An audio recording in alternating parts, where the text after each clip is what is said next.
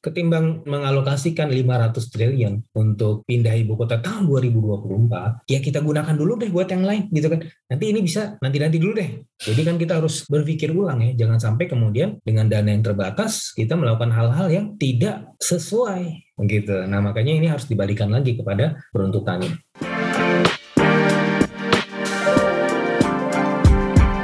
Hai sahabat TCID, kalian sedang mendengarkan podcast Suara Akademia, ngobrol seru isu terkini bareng akademisi. Hai sahabat TCID, pada episode ini kita akan ngobrol tentang ibu kota negara baru bersama dengan Mas Fitra Faisal Hastiadi, akademisi dan peneliti dari Universitas Indonesia, dipandu oleh saya, Anggi, editor bisnis dan ekonomi TCID. Mungkin sahabat TCID sudah tidak asingnya dengan Mas Fitra, namanya sudah malam melintang di media, dan sebelumnya juga ikut berkiprah menjadi juru bicara di Kementerian Perdagangan RI ya Mas ya. Kemudian Mas Fitra juga sebelumnya sudah pernah menjadi narasumber di podcast kita sebelumnya. Jadi halo Mas Fitra, apa kabar? Halo Mbak Anggi. Anggi. Ini siapanya Uni Lubis nih, Mbak Anggi? Gak ada sih mas. Gak ada. Ya? Pengennya sih jadi sepupunya tapi gak bisa. ya, mirip-mirip sih. Namanya mirip, orang juga mirip. Sama-sama Mandailing gitu mas.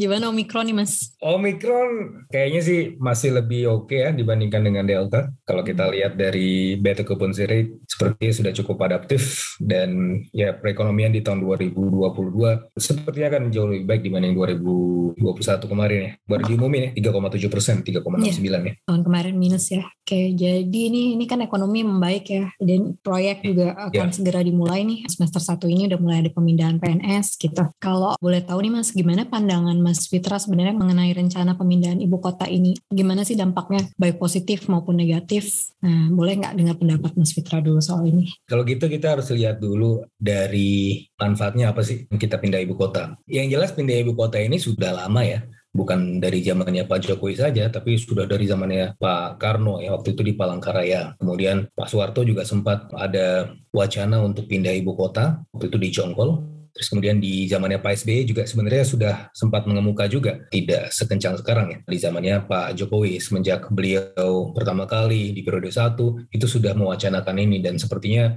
beliau cukup serius untuk menyiapkan ya dari zamannya Menteri Bappenas waktu itu ada Andrinov Caniago, Prof Bambang Brojonegoro sampai sekarang Pak Suarso Manuarfa masih tak berlanjut dan harus gitu ya unquote di tahun 2024 kita pindah. Nah sebenarnya kenapa sih kita harus pindah? Ada beberapa hal yang mungkin diincar. Salah satu adalah dampak ekonomi. Ada beragam perhitungan, baik yang dilakukan oleh Bapenas, Indef, kami sendiri juga menghitung dampak ekonomi itu. Tentunya ini berdasarkan asumsi berbeda ya. Tetapi saya ingin menyampaikan apa yang kami hitung. Dari sisi dampak ekonomi, itu paling besar kalaupun pindah 0,05 persen tambahannya terhadap pertumbuhan ekonomi nasional. Nah 0,05 persen ini sebenarnya kalau kita lihat dari sisi value for money, ini agak tidak efisien ya. Jadi penggunaan 460 500 triliun atau bahkan nanti bisa bengkak lagi sampai 700 sampai 800 triliun ya hanya menghasilkan 0,05 persen sebenarnya masih banyak sektor-sektor lain atau tempat-tempat lain yang ketika diinvestasikan uang sejumlah itu akan jauh lebih besar ya dampak ekonominya. Nah kalau dari sisi perhitungan kami itu cuma 0,05 persen. Meskipun tentu ada argumen lain yang juga menyebutkan bahwa ini nanti kalau kita ukur dari sisi time frame yang jauh lebih panjang, tidak hanya di setahun dua tahun, bahkan bisa nanti 10 tahun, 20 tahun, dampak ekonomi akan bisa jadi lebih besar ya. Tapi itu pun masih sebatas prognosis. Semuanya ini masih dugaan-dugaan dugaan. Ada perhitungan-perhitungan lain. Bapenas uh, lebih optimis ya sampai satu persen kalau nggak salah di atas satu persen. Tapi saya masih lebih pesimis ya antara 0,05 persen paling tinggi 0,1 persen. Artinya kita bicara mengenai efisiensi. Um, ketika kita bicara efisiensi, maka kita bicara mengenai peruntukan. Dananya ini ketika digunakan untuk sesuatu yang lebih produktif, tentu akan lebih bermanfaat dan nilai tambahnya akan lebih tinggi. Apa saja? Kita lihat dulu ya sumber pendanaannya. Dampak ekonomi tadi kecil, tapi kenapa sih bisa kecil begitu? Dugaan saya porsi Kalimantan, kalau kita ukur seluruh Kalimantan tidak hanya Kalimantan Timur misalnya, terhadap perekonomian nasional itu sangat terbatas. Sehingga kalaupun di sana ada arus investasi yang deras dan signifikan, memang akan meningkatkan pertumbuhan ekonomi di Kalimantan. Tetapi karena porsinya itu nggak besar-besar banget dibandingkan dengan keseluruhan ekonomi nasional, dampak ekonominya seperti yang tadi sampaikan ya hanya kecil saja. Sebelum kemudian kita bicara mengenai penggunaan atau prioritas penggunaan uang, saya akan coba melihatnya terlebih dahulu dari sisi pembiayaan. Nah, kita sanggup apa enggak? ada beberapa mekanisme melihat dari wacana yang berkembang sampai saat ini ada bagian porsi dari APBN yang digunakan 19 persen, 20 persen, atau bahkan bisa lebih lagi dari itu ya. Dari 460 triliun initial conditionnya bisa bengkak ya tentunya tergantung kondisinya seperti apa. Tapi yang jelas eh, yang tercatat adalah 460 sampai 500 triliun. Jadi 20 persennya ini bisa ditanggung oleh APBN. Kabarnya begitu. Wacana ini kan sudah berkembang bahkan sebelum pandemi. Nah setelah pandemi ini saya rasa menjadi akan lebih sulit lagi untuk dilakukan karena masalah prioritas-prioritas. Pembiayaan ini dari mana? Tadi kan dari APBN. Terus sisanya dari mana? Sisanya bisa jadi dari KPBU, kerjasama pemerintah, badan usaha, public private partnership. Hmm. dalam bentuk build own operate transfer ya BOT pemerintah bisa sewa dulu terus kemudian nanti diserahkan kepemilikannya kemudian di kemudian hari setelah misalnya 20 tahun atau 30 tahun gitu ya berdasarkan kontrak tertentu dengan pihak swasta. Tapi sesempit yang saya tahu swasta ini juga picky ya. Mereka juga akan memikirkan faktor risiko. Nah, salah satu contoh yang bisa kita pakai di sini adalah ketika pemerintah membangun kereta cepat ya kan. Hmm. Dulu ada antara China dengan Jepang. Jepang punya mekanisme sendiri, begitu juga dengan China. Akhirnya China yang menang. Nah, kalau dari cerita-ceritanya, China ini menang karena salah satunya adalah dia menjanjikan tidak pakai APBN. Sementara Jepang melihat ini adalah proyek yang penuh resiko, kemungkinan ruginya besar, maka harus ada jaminan pemerintah. Nah, ketika dibandingkan keduanya gitu kan. Maka kan ada konsultan tuh ada dari Boston Consulting Group dan seterusnya yang melihat bahwa ya mungkin China ini jauh lebih profitable karena dia tidak pakai APBN, dijanjikan cepat tahun 2019 selesai, paling lambat 2023. Kemudian uh, memang dari sisi rate lebih tinggi dibandingkan dengan apa yang ditawarkan oleh Jepang. Jepang itu menjanjikan official development assistance rate yang mana itu cukup rendah di bawah satu persen. Sementara kan China sudah masuk market rate, tapi salah satu kelebihan dari China adalah dia tidak memakai APBN. Beda dengan Jepang yang ingin ada jaminan dari pemerintah. Akhirnya kan kita tahu China yang menang. Tapi pada akhirnya kita tahu juga China akhirnya dengan kondisi-kondisi yang berkembang itu juga membutuhkan bantuan APBN karena ternyata hmm. sepanjang jalan kita melihat faktor risikonya cukup besar gitu ya sehingga memang butuh ada tambahan APBN dan kita tahu bahwa pemerintah kemudian pada akhirnya harus turun tangan ya eh, melalui jalur APBN. Kalau sudah seperti ini saya rasa initial condition yang 20% dari APBN itu bisa bengkak, ya bisa lebih lebih lagi dari itu karena swasta pada akhirnya ketika di jalan ya mereka menginginkan uh, faktor bantalan terhadap risiko hmm. yang mana itu artinya APBN porsi APBN jadi lebih besar. Ya bayangan saya bisa 50% lebih ya dari APBN. Karena sesempit pengetahuan saya sekali lagi, ini risk appetite dari sektor swasta, swasta bukan ke sini. Ya, risk appetite itu gimana tuh Mas bisa dijelasin? Ya risk appetite kan jadi kan mereka juga harus mengukur ya bagaimana risikonya, bagaimana profitnya gitu kan. Pasti setiap bisnis ada risikonya dan hmm. risiko-risiko kayak bangun ibu kota ini ya bangun gedung pemerintah seterusnya profitnya kan kecil, berarti kalau begitu atribut resikonya menjadi lebih besar kan. Hmm. Bagaimana dia bisa menghasilkan profit gitu ya dari misalnya gedung pemerintah. Oke, kita akan membangun ekosistem yang berada di sekelilingnya, tetapi sekali lagi resikonya juga cukup besar. Sehingga saya menduga bahwa nanti porsi APBN akan jauh lebih besar lagi gitu ya. Nah, kalau sudah seperti itu, maka kemungkinan besar pemerintah kemudian akan mengeluarkan obligasi untuk membiayai ini kan. Nah, masalahnya kalau obligasi ini kita keluarkan secara terlalu agresif, itu akan memicu crowding out. Sekarang saja sebenarnya sudah crowd out ya. Kalau kita bicara mengenai proyek infrastruktur secara umum, hasil empiris temuan kami menunjukkan bahwa dalam beberapa tahun terakhir pemerintah sudah cukup baik dalam membangun infrastruktur, tapi ada ongkosnya. Gitu. Ongkosnya hmm. adalah pembangunan di real sector yang terhambat. Karena ketika pemerintah membiayai infrastruktur itu yang mana itu sangat dibutuhkan, saya sangat sepakat membutuhkan. Ya, tapi ada eksternalitas negatif ya. Dan salah satu eksternalitas negatif itu adalah ketika private sector secara bersamaan ketika mereka ingin mendapatkan financing dari market itu menjadi lebih terbatas. Kenapa? Karena semuanya disedot oleh pemerintah. Kalau kita lihat dari postur obligasi kita di pasar obligasi kita itu 80% dari pemerintah, menyisakan sedikit untuk swasta. Sehingga ketika swasta ingin misalnya menerbitin obligasi juga, rate-nya akan sangat tinggi karena sudah terbatas dan mereka sangat kompetitif gitu ya. Pastinya orang akan lebih banyak masuk ke pemerintah karena memang lebih risk free kalau misalnya hmm. pegang obligasi pemerintah dibandingkan dengan obligasi dari swasta. Misalnya gitu kan. Nah, itu menimbulkan crowding out. Dan dalam beberapa crowding out ini boleh dijelasin? Ibaratnya ada kolam. kolamnya nggak Hmm. besar-besar banget, ada batu besar masuk ke situ atau bukan batu lah, spons besar lah. Akhirnya Hmm. spons itu akan menyerap hampir seluruh air yang berada dalam kolam itu, menyisakan Hmm. sedikit untuk ikan-ikan yang berkeliaran di ekosistem tersebut. Nah itu adalah crowding out gitu ya. Jadi ini yang terjadi ketika pemerintah terlalu agresif membiayai pembangunan dengan obligasi. Meskipun ya ini adalah pilihan-pilihan yang harus kita ambil. Berdasarkan temuan circumstantial bahwa hal itu kemudian menyebabkan ekspor in manufacturing kita itu cukup lemah gitu ya. Kinerjanya cukup terbatas. Salah satunya karena kemampuan untuk ekspansi itu menjadi terbatasnya crowding out. Jadi suatu proses pembiayaan yang seharusnya bisa dilakukan, dia bisa masuk ke market gitu ya, tetapi kemudian keserap sama pemerintah, akhirnya apa? Agen-agen di real sector ini yang seharusnya mereka bisa berproduksi lebih banyak, akhirnya bisa ekspor manufacturing lebih signifikan itu dalam uh, beberapa penelitian kami. Ini jadi akhirnya mereka kemampuan jadi terbatas. Nah ini juga yang kemudian pada akhirnya mengganggu proses industrialisasi. Nah sebagai padanannya kalau kita bicara di ASEAN, rata-rata obligasi pemerintah itu sekitar 50%. Nah kalau kita sudah 80% artinya itu di atas rata-rata ASEAN. Hmm. Gitu kan.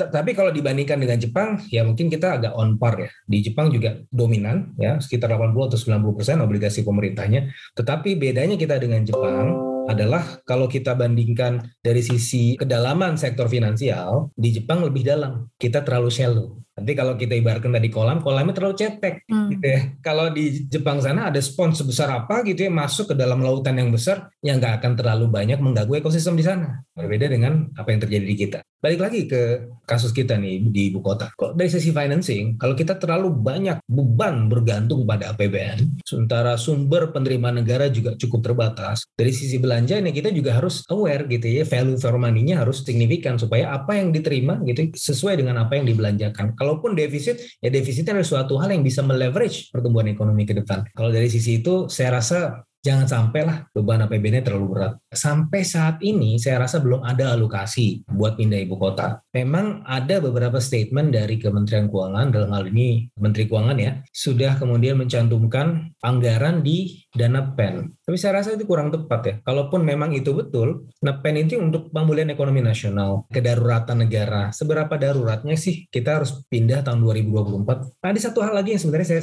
uh, kelupaan, China. Nah, berasal dari China di korporasinya adalah di Evergrande dan seterusnya Suning ya retailer yang sebenarnya Evergrande ini adalah sebenarnya dia kan perusahaan properti besar ya yang yang salah satu kerjaannya itu membangun infrastruktur di China, Beijing apa segala macam. Semenjak awal dari tahun tahun 2000-an. Salah satu juga karena memang didorong oleh pemerintah untuk membangun China infrastrukturnya. Tapi kita lihat, saya tahun 2008 ke Beijing, sorry, 2009 ya, itu selepas Beijing Olympics ya, eh, saya lihat tuh stadion Bird Nest-nya yang luar biasa, bagus sekali, tetapi cuma dipakai buat Olympics saja. Ya, habis itu nggak kepake lagi dan sekitar Bird Nest itu seperti menjadi kota mati. Di Hmm. Shanghai juga seperti itu, bangun bangun bangunan besar gitu kan, yang tujuannya adalah supaya ada aktivitas ekonomi baru di situ, tapi ternyata tidak terjadi. Sehingga bangun infrastruktur besar-besaran pakai utang, akhirnya apa? Mereka mengalami hampir default. Kalau kemudian nggak di bailout oleh pemerintah China gitu, hampir default. Nah, China kan itu besar sekali, duitnya banyak, bisa bailout korporasi kalau misalnya tekor. Nah kita bagaimana nih? Nah, saya juga khawatir. Nanti kan kita udah dengar nih ada Kala Group segala macam mau masuk bangun eh, ibu kota negara. Juga ada banyak perusahaan-perusahaan properti ingin masuk. Coba kalau bangkrut nih, pemerintah sanggup nggak biayain mereka semua? Karena ini proyek yang sangat berisiko. Nah ini apa kita mau lihat Indonesia akan seperti itu? Nah ini juga harus kita pikirkan ya matang-matang. Saya tidak kemudian menentang perpindahan ibu kota ya. Suatu waktu mungkin kita harus pindah juga. Ada beberapa negara memang harus memindahkan ibu kotanya karena memang sudah overcrowded dan seterusnya dan seterusnya. Tapi memang harus secepat itu. Haruskah di tahun 2024? Padahal kita punya beberapa prioritas-prioritas. Dari aspek pembiayaan, constraint-nya itu sangat berat dan ujung-ujungnya akan ke APBN lagi. Dan kalau sudah APBN, saya rasa ini akan sangat membebani negara di beberapa tahun ke depan. Assuming kalau dananya itu ada, dapatlah kebutuhan financing. Sekarang dari uang itu, ini digunakan untuk apa gitu kan? Sekali lagi nih value for money-nya. Nah, Returnnya apa gitu ya Mas? Iya, returnnya apa? Tadi kan kita bicara mengenai dampak ekonomi. Dampak ekonominya balik-balik lagi kan kecil, gitu kan? Sebenarnya apa sih prioritas kita? Ya, prioritas pembangunan kita apa? Sampai setidak-tidaknya tahun 2045 lah ya. FYI untuk teman teman-teman ketahui, kami di Iluni UI sedang mengembangkan macam roadmap Indonesia 2045. Nah, dalam roadmap itu salah satu tujuannya atau salah satu goal kita sesuai dengan juga target dari presiden adalah untuk lepas dari jebakan pendapatan menengah. Nah, untuk lepas dari jebakan pendapatan menengah ini, time frame-nya itu sebenarnya sangat sempit. 2045 itu adalah gimmick 100 tahun kemerdekaan kita. Tetapi sebenarnya target teknokratisnya cuma sampai tahun 2035. Karena berdasarkan perhitungan kami, bonus demografi itu selesai tahun 2035. Nah, apa kenapanya ya itu berdasarkan hasil perhitungan ya. Jadi hmm. kan peaknya itu sebenarnya kita udah masuk nih periode bonus demografi nih. Mulai dari tahun 2015 sudah mulai masuk periode bonus demografi. Apa sih bonus demografi? Bonus demografi itu adalah suatu kondisi di mana penduduk usia produktif itu berada pada peaknya gitu kan dan uh, peak penduduk usia produktif itu atau yang di, dikategorikan sebagai penduduk usia produktif adalah usia 15 sampai dalam hal ini bisa dibilang 64 tahun gitu ya tapi bisa kemudian dikecilkan lagi antara 15 sampai 40 tahun. Itu yang paling produktif ya. Penduduk usia produktif. Penduduk usia yang belum pensiun. Kalau lihat dari tim bola Manchester United ya uh, Zlatan Ibrahimovic itu 40 tahun masih main bola. Ya bisa dikategorikan usia produktif lah. Jadi sudah tua tapi nggak tua-tua tua banget 40 tahun. Ya sama kayak usia saya 40 tahun juga. Peaknya tahun antara tahun 2025 sampai tahun 2035 itu peaknya tuh. Setelah itu habis Nah, ini kan jadi masalah kalau kita nggak manfaatkan ini jendela kesempatannya sempit. Padahal kalau kita lihat dari pengangguran, nggak usah lihat zaman pandemi deh, lihat zaman pre-pandemic aja, itu jauh lebih real dan fair kalau mau dijadikan basis perhitungan. Jadi pengangguran kita tahun 2019 itu sekitar 7 juta orang. Nah, ini artinya pre-pandemic condition. Dan dari 7 juta itu, 4 juta di antaranya itu berusia 15 sampai 24 tahun, gitu kan? Kalau kita lihat berarti hmm. berarti mayoritas pengangguran kita diisi oleh penduduk usia muda dan produktif kan jadi ada masalah gitu. Di era bonus demografi tapi kenyataannya yang terjadi adalah banyak yang kemudian tidak kompatibel. Meskipun kalau kita bicara sekali lagi mengenai bonus demografi kalau Prof. Meling salah satu guru besar di FEBUI mentor saya juga itu dengar ya beliau bisa ngomel-ngomel juga. Emang masih ada bonus demografi? Gitu katanya. Orang kita udah lepas dari dari dulu. Siap saya ngomong bonus demografi beliau pasti bilang begitu karena beliau adalah sosiolog dan juga demograf. Tapi saya masih lebih optimis lah bonus demografi itu masih relevan. Asalkan kita bisa memanfaatkannya, mengutilisasinya dengan baik. Salah satu caranya adalah bagaimana? Salah satu caranya adalah invest in SDM. Nah ini juga yang menjadi basis pemikiran dari Prof. Emil Salim, salah satu yang juga kemudian dilihat dari posisinya, posisinya agak menentang pemindahan ibu kota negara. Karena sekali lagi, basis berpikiran adalah kita masih punya banyak prioritas. Salah satunya adalah investasi di SDM. Kalau beliau juga lebih concern kepada sumber daya alamnya. Selain sumber daya alam, ada sumber daya manusia. Sumber daya manusia ini harus dikembangkan, investasinya harus besar-besaran di sini. Dan butuh waktu. Karena uh, yang terjadi selama ini adalah incompatibility dari lulusan-lulusan ya entah itu SMK atau bahkan universitas, politeknik terhadap kebutuhan industri. Nah, ini juga yang pada akhirnya menyebabkan kita ini industrinya mandek kan untuk lepas dari jebakan pendapatan menengah kita punya target pertumbuhan ekonomi dari perhitungan kami minimal 6% lah ya pertumbuhan ekonomi itu on average sampai tahun 2035. Nah untuk mencapai 6% on average ini 6% atau di atas 6% minimal pertumbuhan ekspor kalau kita bicara mengenai perdagangan internasional ekspor impor kita minimal harus tumbuh ekspornya year on year kalau perhitungan kami yang terakhir itu antara 9 sampai sembilan setengah persen. Ini harus bisa dilakukan ya. Salah satu caranya adalah mendorong kinerja ekspor, kita juga harus mendorong kinerja industri. Ekspor itu kan sebenarnya adalah derivat atau konsekuensi dari produksi. Kita bisa ekspor kenapa? Karena ada barangnya yang bisa diproduksi. Nah, barangnya tidak sekedar barang, tidak sekedar kita jual mentah-mentah. Kalau jual mentah-mentah gampang, tapi pada akhirnya apa? Konsekuensinya di jangka panjang. Prebisinger teori, ya kalau ada teori namanya eh, teori Prebisinger. Kalau kita mengandalkan pada barang mentah saja, maka pertumbuhan ekonomi kita di satu waktu akan mandek lagi. Sekarang memang eranya komoditi super cycle nih. Sekarang harga komoditas pada naik nih dan eh, banyak meyakini itu sudah masuk ke era komoditi super cycle berikut berikutnya. Tetapi kita jangan sampai terjebak di proses itu. Kita kan meng-create value dari produksi. Maka kita harus mengejar ekspor yang bernilai tambah tinggi. Nah, untuk bisa mengejar ekspor yang bernilai tambah tinggi, yang bisa stabil ekspornya 9% ke atas, maka kita juga harus membangun basis industrinya. Basis industrinya memang sudah dikerjakan oleh pemerintah, beberapa di antaranya infrastruktur. Yang kedua selain infrastruktur adalah institusi, ya ikatan institusional. Nah ini juga yang kemudian dilakukan pemerintah melalui omnibus law. Meskipun ada kontroversi-kontroversi yang menyelimuti omnibus law tersebut, tetapi biar bagaimanapun nanti mudah-mudahan bisa diperbaiki lagi supaya kita memang bisa mendapatkan manfaat sebesar-besarnya dari uh, reformasi institusi tersebut. Nah yang lain adalah pengembangan SDM supaya basis industri yang kuat. Kalau basis industri yang kuat maka kita bisa mengejar target-target tersebut. Tahun 2035 kita bisa lepas dari jebakan pendapatan menengah itu bukan suatu hal yang utopis, tapi suatu hal yang realistis. Nah oleh karenanya butuh ada prioritas-prioritas. Kalau sudah begitu, maka penggunaan dana tadi 500 triliun atau nanti sampai 800 triliun dengan keterbatasan gitu ya dari sisi kapasitas fiskal, maka kan kita harus memilih. Ada pilihan-pilihan karena ekonomi itu adalah seni memilih gitu kan, ilmu untuk memilih dengan constraint-constraint tertentu, dengan batasan-batasan yang ada. Maka kita harus mengalokasikannya seefisien mungkin dengan dampak yang memberikan multiplier effect paling tinggi dalam hal itu kita juga harus lihat keadaan. Ketimbang mengalokasikan 500 triliun untuk pindah ibu kota tahun 2024 di window yang sebenarnya cukup sempit ini, ya kita gunakan dulu deh buat yang lain gitu kan. Nanti ini bisa nanti-nanti dulu deh. Oke kita nggak RUU atau bahkan sekarang sudah menjadi UU IKN itu nggak apa-apa. Ada saya juga dukung karena itu bisa menjadi landasan konstitusional. Nanti kan pada akhirnya nggak usah nunggu-nunggu lagi kalau ada perangkat hukumnya udah ada gitu kan. Tapi apakah harus dari tahun 2024 nah ini. Jadi kan kita harus berpikir ulang ya. Jangan sampai kemudian dengan dana yang terbatas kita melakukan hal-hal yang tidak sesuai gitu. Nah makanya ini harus dibalikan lagi kepada peruntukannya. Berarti kalau hmm? tangkapan saya ini dari Mas Fitra berarti melihat bahwa penggunaan APBN ini akhirnya menjadi distraksi gitu ya Mas untuk ke alokasi-alokasi yang sebenarnya lebih penting misalnya untuk SDM itu berarti kita ngomongin edukasi, keterampilan hmm. seperti itu. Kalau misalnya 2024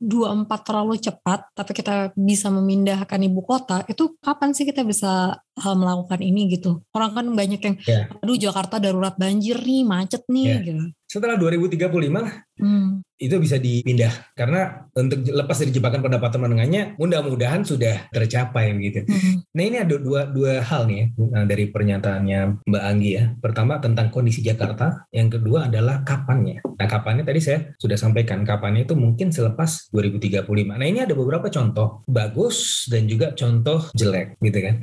Kalau dari dokumen naskah akademis IKN yang kalau kita lihat by the way itu kan dikerjakannya kayaknya nggak sungguh-sungguh gitu ya. Terus ketika saya masuk lagi ke dalam bagian awalnya saya, saya udah ngelihat wah ini banyak sekali hal-hal yang lemah di sini dari sisi literatur review, dari sisi terus kalau lebih dalam lagi dari sisi metodenya juga sebenarnya belum terlalu jelas. Kemudian pakai contoh-contoh yang sebenarnya kota-kota yang justru gagal. Salah satu yang dipakai di naskah akademik tersebut, nah ini makanya penting sekali naskah akademiknya. Di Omnibus Law juga masalah naskah akademiknya. Jangan sampai ini cuma sebagai formalitas aja naskah akademik ini kita profesi akademisi ini menjadi sangat tercederai ini. Ini kan produk akademik begitu, tapi dibuat dengan setengah-setengah gitu. Ini harus dikerjakan dengan baik ya supaya hasilnya juga nanti baik juga, bukan sekedar formalitas. Memang ini adalah keputusan politik juga, tetapi jangan sampai fondasi keputusan politik ini lemah. Salah satu yang dipakai adalah Brazilian Saya melihat itu sebagai contoh gitu ya IKN yang berhasil. Padahal kalau menurut Ricky Burde, dia profesor di London School of Economics, bidangnya juga perkotaan ya, ekonomi perkotaan. Dia bilang begini, Brasilia City akan menjadi kota yang luar biasa setelah 200 tahun. Jadi ini kan suatu pandangan yang sangat sinis dari seorang ahli tata kota. Gitu. Dan kita lihat sekarang Brazil itu sepi. Terus apalagi nih, Edward Glaser, nih saya cuplik lagi nih. Jadi dia pakar studi perkotaan dari Harvard. Dia bilang begini, di kolomnya di Financial Times, ini berdasarkan catatan saya. Brasilia City adalah contoh yang berbahaya untuk para pemimpi. Ini contoh yang buruk. Nggak bisa kita telah mentah-mentah, itu bahkan dijadikan contoh bagus pindah ibu kota. Putrajaya. Nah ini bahkan sekarang Don Mahathir saja itu merasa proyek ini proyek gagal, PNS-nya udah nggak mau pindah, terus kemudian kotanya juga sepi dan seterusnya. Canberra, Canberra ini kan keluar karena ada dispute antara Melbourne sama Sydney. Yang mereka berseteru segala macam, yaudah deh, yaudah. Yang tengah-tengah aja deh, yang kita bisa terima semua. Canberra, akhirnya Canberra dijadikan ibu kota yang mallnya aja tutup jam 5 sore. Gitu kan. sepi ya mas? Iya sepi. Nah memang banyak yang bilang begini, kan nama ibu kota nggak perlu jadi pusat ekonomi. Iya dong, tapi ya pantas-pantas ibu kota yang ibu kota yang yang juga ada aktivitas orangnya lah gitu kan. Ini masih jumlah orangnya sama jumlah kanguru banyakkan jumlah kangurunya. Jadi ini juga contoh yang gagal. Ada contoh yang sukses nggak ada. Salah satu di Sejong, Korea Selatan. Ini contoh yang bagus. Kenapa? Kalau nggak salah, dia ini diumumkan pindah ibu kota di Korea Selatan ini semenjak tahun 2002. Itu kalau kita ingat itu adalah perhelatan besar ya Piala Dunia Korea Jepang dan diumumkan di situ karena dia sudah sangat yakin bahwa ibu kotanya ini memang sudah harus pindah dan itu adalah Piala Dunia menjadi simbol. Dan Korea Selatan ketika mengumumkan itu, itu target-targetnya sudah tercapai semua. Korea Selatan itu sudah mencapai negara industri, sudah mencapai peak ekonominya, gitu kan. Bonus demografi sudah dimanfaatkan dengan baik. Wajar dia ketika mengumumkan uh, itu di tahun 2002 dan pindah tahun 2014 gitu kan coba kita hitung 2002 sampai tahun 2014 12 tahun ya kita diumumkan kan tahun ini. Mau pindah? 2024 dua tahun. Itu aja udah dari sisi timeline udah sangat cepat sekali gitu kan. Ya mungkin kalau dipadankan dengan kisah zaman dulu ini ketika Jin Ifrit mindahin istana gitu ya disuruh Nabi Sulaiman mungkin cuma itu yang bisa menandinginya kali atau mungkin kalau kisah di Indonesia itu eh, ini apa Bandung Bondowoso tapi Bandung Bondowoso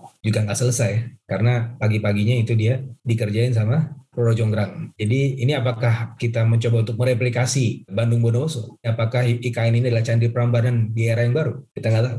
Hmm. Ya, tapi yang jelas banyak hal-hal yang dipangkas gitu kan. Harus selesai 2024. Pindahnya sih saya setuju, tapi apakah harus tahun 2024? Nah, balik lagi ke contoh-contoh tadi ibu kota. Jadi time frame-nya adalah ketika PRPR selesai dikerjakan. Nah, kalau PRPR selesai dikerjakan yang terjadi adalah seperti yang di Korea Selatan ketika mereka pindah tahun 2012 atau 2014 itu pertumbuhan kota Sejong itu luar biasa karena sudah disiapkan sedemikian rupa. Dan kalau kita tahu kebanyakan negara-negara maju di Asia Timur ini punya masalah demografi kan. Jepang punya aging population, China juga sekarang sudah mengalami aging population ya. Korea sudah mengalami semenjak puluhan tahun gitu ya.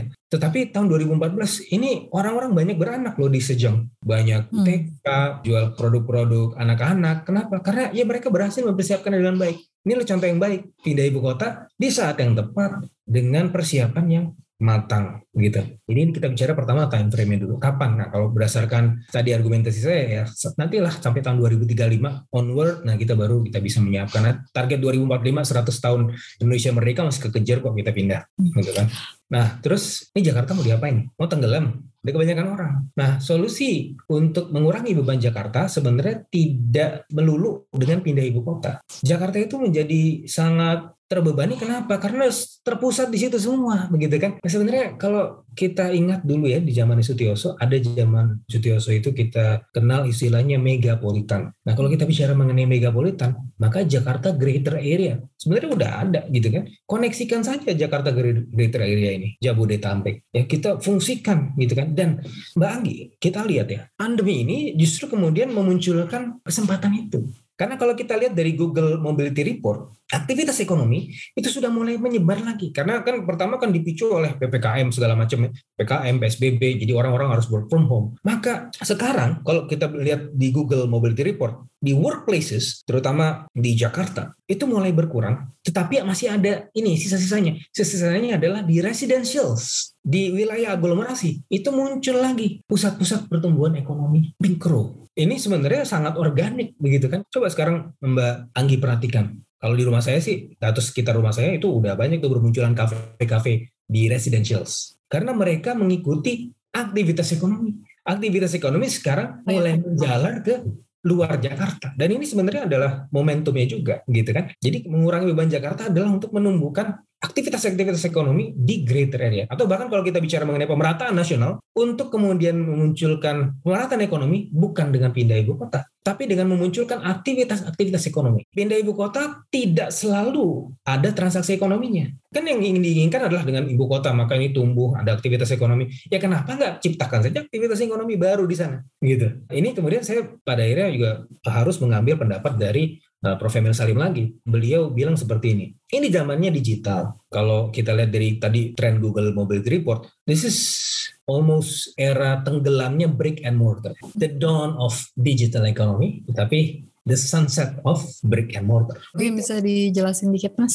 Brick and mortar kan berarti aktivitas fisik, hmm. aktivitas ekonomi yang berdasarkan bangunan-bangunan fisik. Hmm. Sekarang toko-toko fisik kan sudah mulai pada rontok. Terus aktivitas di workplace sebagaimana yang saya sampaikan tadi sudah mulai tergantikan oleh yang lebih efisien, work from home. Nah kalau sudah seperti itu, kalau misalnya bangunan fisik tidak lagi menjadi patron, atau kita bicara mengenai the end of the brick and mortar period, maka apakah masih perlu kita pindah ibu kota? Gitu kan? Hmm. Itu juga jadi jadi pertanyaan kan. Jadi era yang sebenarnya serba digital seperti ini, apakah pindah ibu kota itu menjadi suatu hal yang perlu.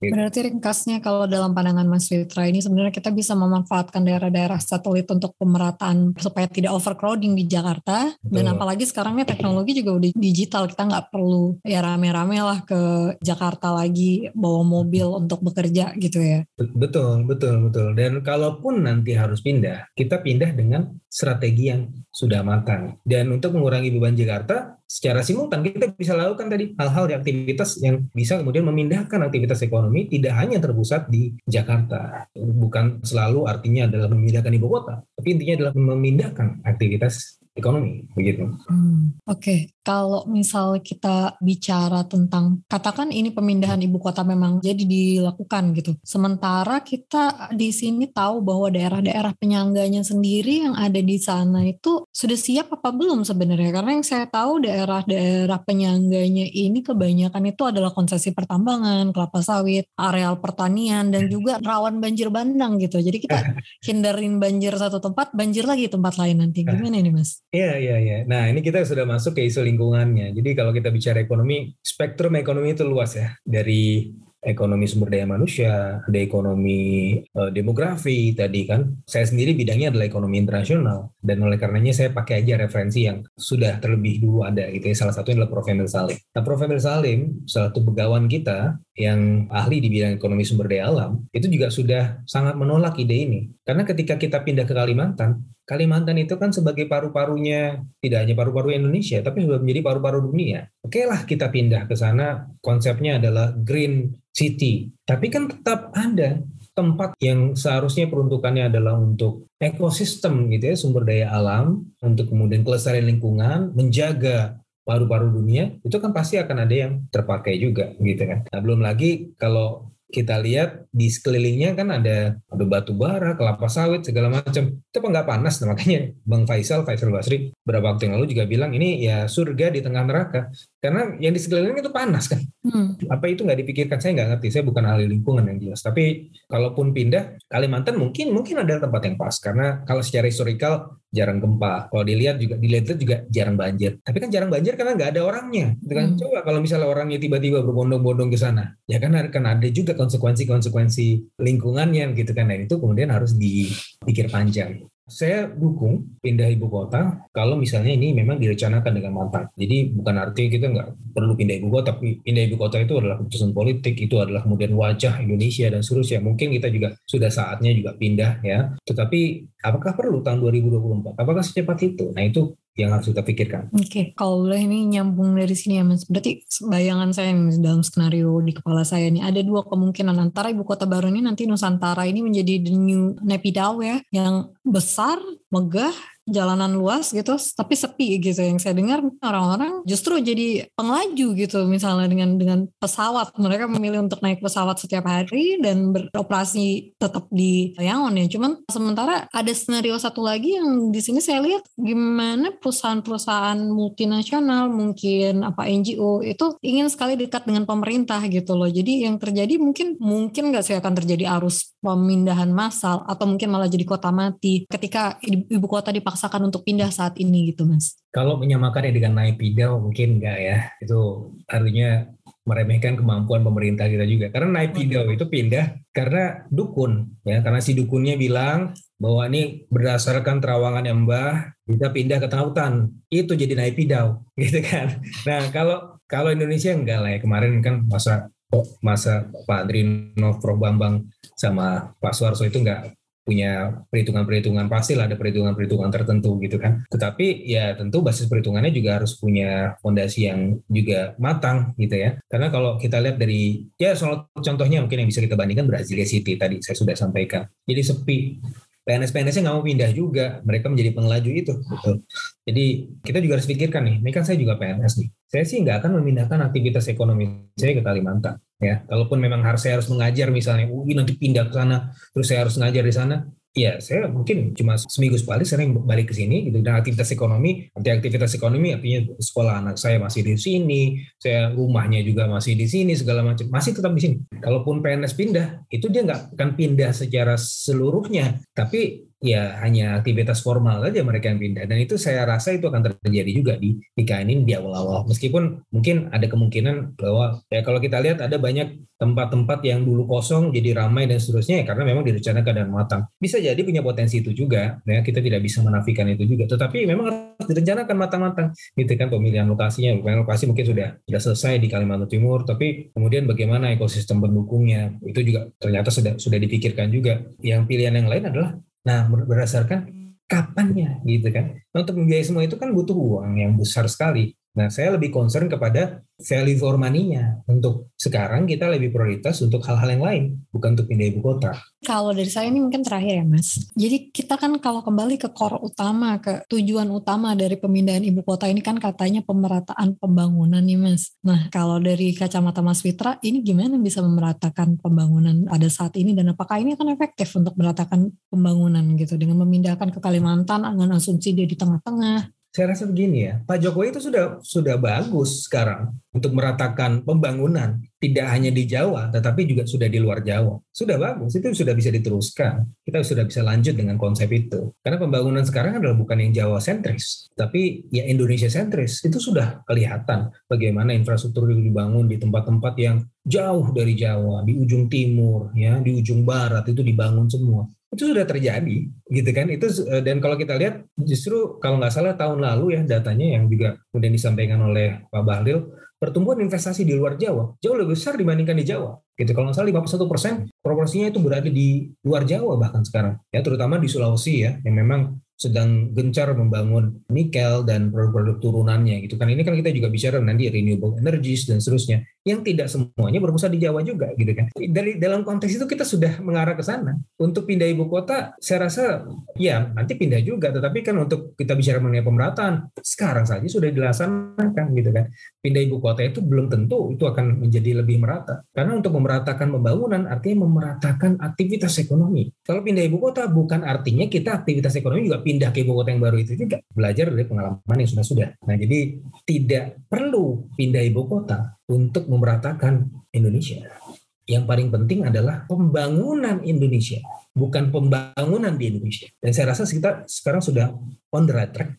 Jangan sampai kita kemudian terjebak pada konsep yang sangat myopis begitu Kalau boleh saya rekap berarti ini Mas. Dari pandangan Mas Witra ini adalah pindah ibu kota itu boleh tapi bukan sekarang waktunya uh, mungkin kita harus keluar dulu dari jebakan kelas menengah dan apalagi ada kemungkinan penggunaan APBN yang ini jadi distraksi nih buat program-program prioritas di Indonesia begitu. Sementara alasan-alasan untuk pemindahan ibu kota seperti Jakarta yang akan tenggelam itu dan juga dengan pemerataan ekonomi itu sebenarnya sudah banyak solusinya, sudah ada solusinya misalnya dengan fokus di wilayah aglomerasi serta misalnya menjalankan pembangunan infrastruktur dan SDM. Benar begitu ya Mas ya? Betul sekali Mbak. Oke, Mas Firta makasih banyak nih udah mau nyediain waktu buat kita nih. Jangan lupa subscribe newsletter kami dan follow TCID di berbagai platform media sosial kita ada. Nah kalau untuk Mas Fitra gimana nih Mas? Bisa di follow di mana nih? Instagram, Twitter, Facebook, TikTok, oh, iya, TikTok saya, mungkin barangkali.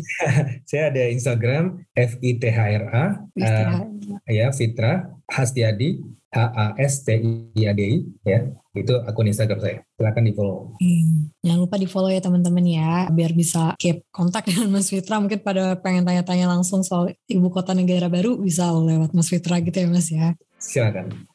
Oke, okay. buat hari ini eh, episode kita bisa berhenti di sini. Terima kasih banyak Mas Wita atas segala insight-nya, insightful banget loh. Mungkin dari saya begitu. Uh, terima kasih teman-teman uh, yang sudah bersedia mendengarkan sampai sini. Uh, stay tune ya untuk episode berikutnya uh, di minggu depan. Terima kasih. Kalian telah mendengarkan podcast Suara Akademia, ngobrol seru isu terkini bareng akademisi.